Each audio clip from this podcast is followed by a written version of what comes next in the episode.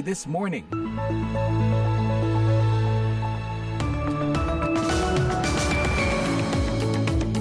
Selamat pagi pendengar, inilah VOA This Morning di hari Senin 13 November 2023 bersama saya Eva Masrieva dan produser kami Bani Rahayu. Kami mengudara langsung dari Studio 17 VOA Siaran Indonesia di Washington DC. Kami dapat kabar nih bahwa Presiden Joko Widodo baru saja mendarat di Washington DC. Welcome in Biden Land, Pak ya. Biden Land. Karena dalam hitungan jam nanti Presiden Joe Biden akan melangsungkan pertemuan dan dialog dengan Jokowi di Gedung Putih dan akan membahas sejumlah isu, antara lain soal transisi energi bersih dan penguatan stabilitas di kawasan. Tapi kabarnya, secara khusus, Pak Jokowi juga akan membawa pesan dari rakyat Indonesia dan juga dari pemimpin negara-negara anggota OKI agar Amerika ikut membantu menyudahi perang Israel di Gaza.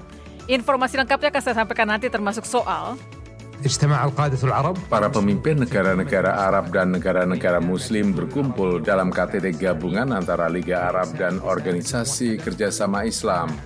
Juga jangan lewatkan laporan tentang pidato Ketua Umum DPP PDI Perjuangan Megawati Soekarno Putri yang minta semua pihak mengawal pemilu 2024 yang menurutnya sudah diwarnai upaya kecurangan.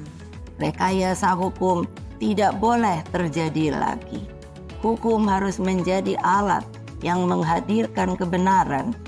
Seperti biasa, Anda acara ini juga dapat Anda simak secara live streaming di situs kami di www.vienindonesia.com atau melalui podcast Via This Morning di platform podcast langganan Anda.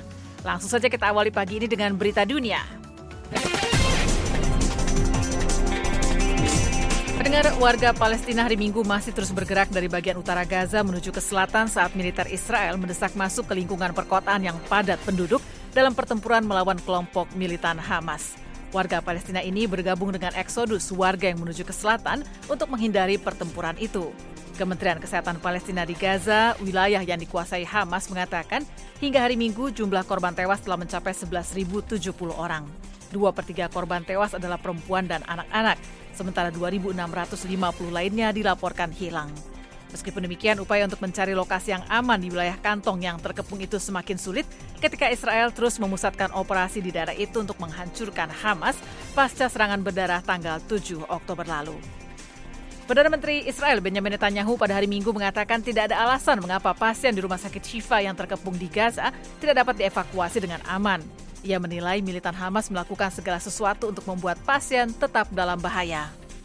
ובאשר לדיבורים על היום שאחרי, היום הזה יהיה רק אחרי חיסול החמאס. Berbicara di program State of the Union di stasiun televisi CNN, Netanyahu mengatakan 100 pasien telah dibawa keluar dari rumah sakit dan puluhan ribu warga Palestina yang tinggal di sekitarnya telah bergerak dengan aman keluar dari daerah itu melalui koridor aman menuju ke selatan. Namun pertempuran Israel-Hamas masih terus berlanjut di dekat rumah sakit yang merupakan rumah sakit terbesar di Gaza. Penasihat Keamanan Nasional Gedung Putih, Jake Sullivan, dalam acara di CBS News mengatakan Amerika tetap terlibat secara aktif dengan para pejabat Israel, Qatar, dan Mesir untuk membebaskan hampir 240 sandera yang ditahan oleh Hamas di Gaza, termasuk sembilan warga Amerika dan seorang warga negara asing yang memiliki hak bekerja di Amerika. There are ongoing negotiations involving the Israelis, the Qataris, and we, the United States, are actively engaged in this as well because Ditambahkannya, Presiden Joe Biden tidak akan beristirahat hingga melihat kesepakatan tercapai dan setiap sandera dapat pulang dengan selamat. Sementara Netanyahu mengatakan kepada CNN bahwa kami juga melakukan semua yang kami bisa dan bisa saya katakan untuk membebaskan para sandera. Pemimpin Israel itu tetap menolak usul Amerika agar otoritas Palestina mengelola Gaza dan tepi barat setelah perang berakhir. Netanyahu menegaskan bahwa kontrol harus dilakukan oleh otoritas sipil yang telah direkonstruksi karena otoritas Palestina tidak mau memerangi Hamas dan mereka mengajarkan anak-anak untuk tetap membenci Israel.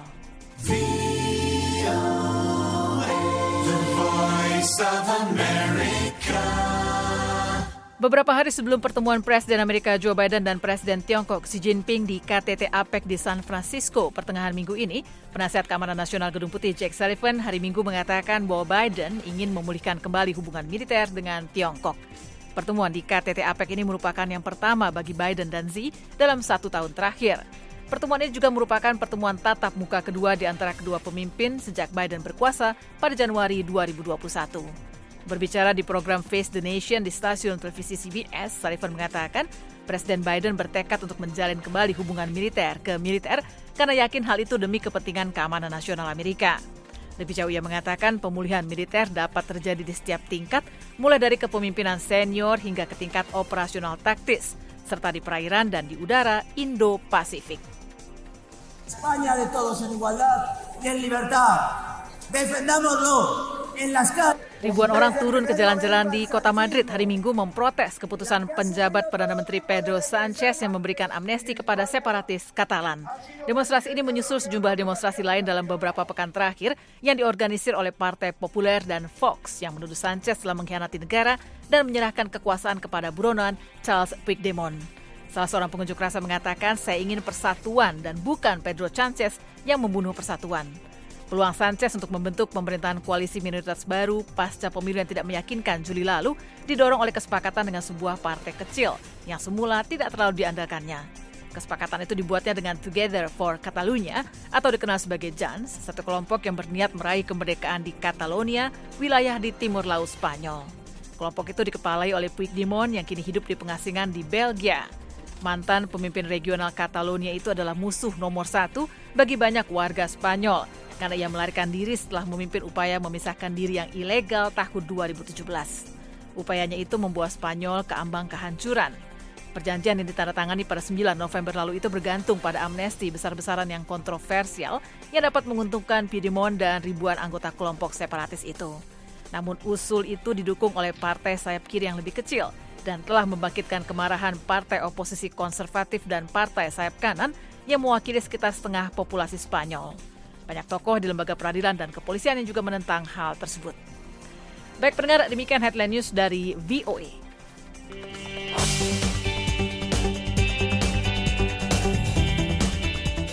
Sebanyak 57 negara-negara Arab dan Muslim berkumpul di Riyadh, Arab Saudi untuk mendiskusikan situasi di jalur Gaza. Kita simak laporan selengkapnya dari tim VOA. Seusai pertemuan itu, Menteri Luar Negeri Arab Saudi Faisal bin Farhan membacakan komunike KTT dalam konferensi pers bersama Sekretaris Jenderal Liga Arab dan Organisasi Kerjasama Islam. Para pemimpin negara-negara Arab dan negara-negara Muslim berkumpul dalam KTT gabungan antara Liga Arab dan Organisasi Kerjasama Islam untuk mengirim pesan bersama bahwa perang ini harus dihentikan. Farhan selanjutnya menyatakan bahwa para pemimpin telah mengadopsi sejumlah tindakan untuk memecahkan blokade di Gaza dan mengirimkan bantuan kemanusiaan pada rakyat Gaza. Putra mahkota Arab Saudi Pangeran Mohammed bin Salman yang menjadi tuan rumah KTT pada Sabtu menggunakan bahasa yang keras untuk mengutuk operasi militer Israel di Gaza. Kami menentang perang yang mengerikan ini beserta semua yang menyertainya dan begitu besarnya korban perempuan, anak-anak dan lanjut usia di rumah sakit, tempat-tempat peribadatan dan infrastruktur sipil. Stasiun televisi milik Arab Saudi Al Arabia juga melaporkan resolusi KTT yang meminta pembentukan pengadilan kejahatan perang internasional dan penghentian terhadap semua upaya paksa pemindahan rakyat Palestina di Gaza maupun maupun di tempat lain dan gencatan senjata segera. Presiden Iran Ibrahim Raisi yang kunjungannya ke Arab Saudi dalam KTT hari Sabtu merupakan kunjungan Presiden Iran yang pertama dalam lebih satu dekade, mengklaim bahwa operasi militer Israel di Gaza adalah kejahatan terburuk yang bisa disaksikan dalam sejarah umat manusia. Presiden Mesir Abdel Fattah el-Sisi memilih menggunakan nada yang lebih terukur dengan meminta dilakukannya gencatan senjata segera di Gaza dan pendirian negara Palestina sesuai dengan perjanjian perbatasan pada 4 Juni 1967 dengan Yerusalem Timur sebagai ibu kotanya. Mesir mengutuk pembunuhan terhadap mereka yang tidak bersalah sejak awal dan kami mengutuk sekali lagi hukuman kolektif terhadap Gaza, termasuk pembunuhan dan blokade dan pemaksaan pemaksaan pemindahan warga yang tidak bisa diterima, yang tidak bisa dijustifikasi sebagai tindakan membela diri. Volker Turk, kepala organisasi hak asasi manusia PBB yang pada Jumat lalu menyebut serangan Hamas 7 Oktober sebagai serangan terhadap kejahatan mengerikan Israel, berpidato di KTT itu. Dia mengutuk perang di Gaza dan jatuhnya korban manusia.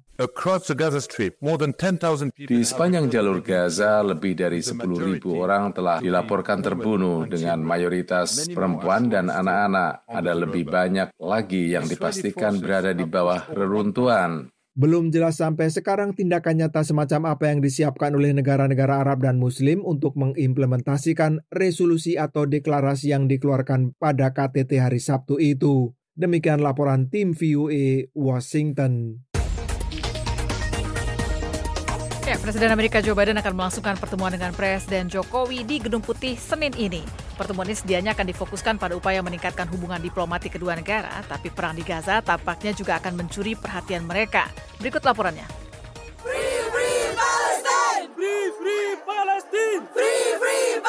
Dengar, sejumlah kota di Indonesia diguncang demonstrasi pro-Palestina sejak serangan Hamas ke Israel tanggal 7 Oktober lalu. Dan emosi warga sangat kuat. Bukan umat muslim di seluruh dunia, tapi bahkan seluruh warga dunia semoga sadar bahwa yang dilakukan Israel adalah genosida dan Hal ini pula yang tampaknya ada di benak Presiden Joko Widodo ketika bertemu dengan Presiden Joe Biden di Gedung Putih Senin siang ini. Pakar kajian Timur Tengah di Universitas Gajah Mada Yogyakarta, Siti Mutia Setiawati mengatakan, kita yaitu tidak ada satupun presiden Indonesia yang berani untuk tidak membela Palestina. Ini dikarenakan bapak bangsa kita telah meletakkan landasan kebijakan luar negeri kita untuk tidak berpihak, bebas dan aktif serta membela mereka yang tertindas, ujar Siti. Kedua pemimpin memiliki perbedaan besar yang harus dijembatani, khususnya dalam soal gencatan senjata di Gaza, tapi tentunya dengan tetap menjaga hubungan baik yang ada. Pertemuan hari Senin ini dilangsungkan setelah Biden tidak menghadiri KTT ASEAN yang dilangsungkan di Jakarta September lalu dan mewakilkan kehadirannya pada Wakil Presiden Kamala Harris. Biden justru memilih datang ke Vietnam. Keduanya terakhir kali bertemu di KTT G20 di India bulan lalu. Mereka diharapkan akan meningkatkan hubungan bilateral ke kemitraan strategis komprehensif, satu format hubungan yang telah dijalin Indonesia dengan Tiongkok. Juru bicara Gedung Putih Karen Jean Pierre mengatakan, The leaders will explore opportunities to enhance cooperation on the clean energy transition. Kedua pemimpin akan mengeksplorasi berbagai kesempatan untuk menjajaki kerjasama transisi energi bersih, memajukan kemakmuran ekonomi, memperkuat stabilitas dan perdamaian di kawasan, dan mendorong hubungan antar individu, ujar Jean Pierre. Ditambahkannya, kedua pemimpin juga akan mengkoordinasikan upaya untuk mendorong sentralitas ASEAN dan menjunjung tinggi hukum internasional serta mempromosikan Indo-Pasifik yang bebas dan terbuka. Tujuan utama Indonesia dalam pembicaraan ini adalah untuk mencapai perjanjian perdagangan bebas terbatas pada mineral penting yang akan memungkinkan nikel Indonesia digunakan pada baterai mobil listrik sehingga dapat meraih insentif pajak sesuai Undang-Undang Pengurangan Inflasi Amerika atau Inflation Reduction Act IRA tahun 2022. Indonesia memiliki cadangan nikel terbesar di dunia yang sebagian besar operasi penambangan dan pemurniannya didanai oleh Tiongkok. Lucas Meyers, peneliti senior Asia Tenggara di program Asia Wilson Center mengatakan, Amerika sangat ingin menanamkan investasi di bidang ini karena saya kira dari kacamata kompetisi dengan Tiongkok, Amerika ingin memastikan bahwa industri nikel di Indonesia tidak benar-benar dikuasai Tiongkok. Ini menjadi strategi yang sangat penting. Sebagian anggota Kongres Amerika menentang perjanjian itu karena besarnya investasi Tiongkok serta keprihatinan soal masalah buruh dan lingkungan hidup dalam industri nikel Indonesia. Demikian laporan tim VOA.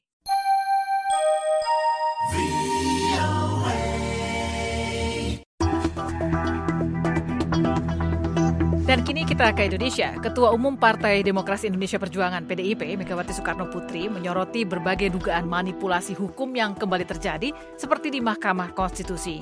Ia juga mengisyaratkan telah terjadinya kecurangan menjelang pemilu 2024 dan mengingatkan agar hal itu tidak terulang lagi.